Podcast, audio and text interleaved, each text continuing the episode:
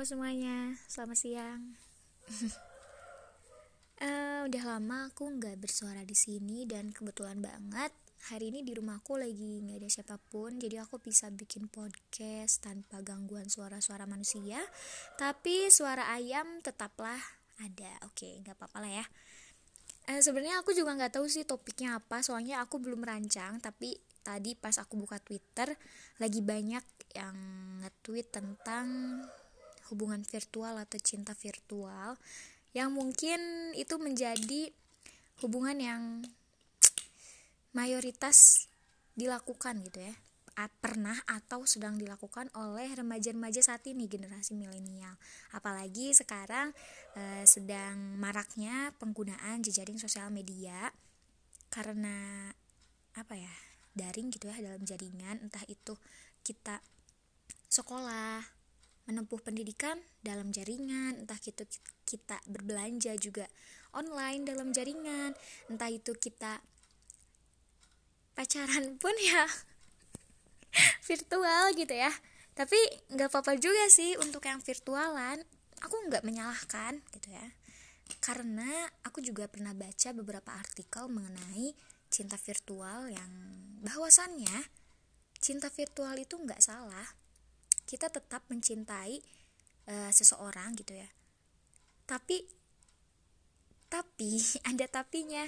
Kita tuh terkadang mencintai dia dengan ekspektasi kita dengan hayalan kita. Jadi kita tuh seperti mencintai hayalan terbaik yang diciptakan oleh kita sendiri. Meskipun kita udah pernah VC misalnya video callan atau teleponan atau kita udah tahu foto atau video-video dia tapi kita tuh nggak tahu wanginya dia seperti apa gemuk kurusnya dia tuh kayak gimana tinggi atau enggaknya tuh dia kayak gimana.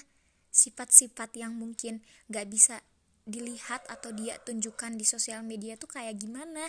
Dan itu yang kadang menjadi hubungan virtual itu merasa disepelekan oleh manusia-manusia lainnya gitu. Menganggap bahwa ah, apaan sih hubungan virtual?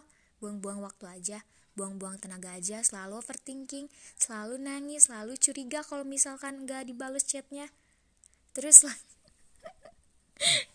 Aduh sebenarnya aku juga pernah ngalamin itu. Bahkan um, ya ya aku pernah ngalamin itu sama anak Twitter juga mutual aku.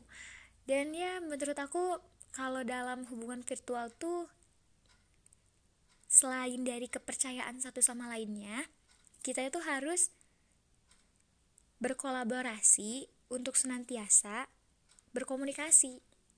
Jadi pokoknya harus memberikan waktu luang untuk kita bisa berkolaborasi eh untuk kita bisa berkomunikasi gitu. Ya meskipun ya sebaik-baiknya komunikasi itu dilakukan secara langsung tapi apa daya kalaupun masih ada jarak yang membentang di antara kita berdua, ya kita kan masih bisa menggunakan teknologi yang sudah canggih bukan? Dengan cara video callan, dengan cara teleponan ataupun chattingan. Ya seperti itulah pokoknya. Tapi kalau menurut aku juga gak ada salahnya kita berharap pada seseorang yang jauh di sana dengan cara kita udah sayang-sayangan, dengan cara kita udah merencanakan masa depan, tapi setidaknya harus ada satu pertemuan ataupun beberapa pertemuan itu bisa direncanakan oleh kedua belah pihak sih kalau menurut aku. Jadi setidaknya kalau misalkan ada pertemuan terlebih dahulu, kita tuh jadi lebih was-was. Eh was-was, bukan was-was, apa sih ya?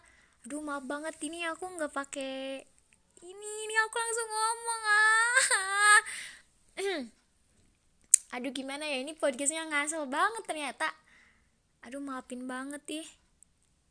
Tapi semoga apa pun pilihan hati kalian dengan pasangan virtual kalian ini semoga selaras atau relevan dengan takdir Tuhan yang telah Tuhan sediakan.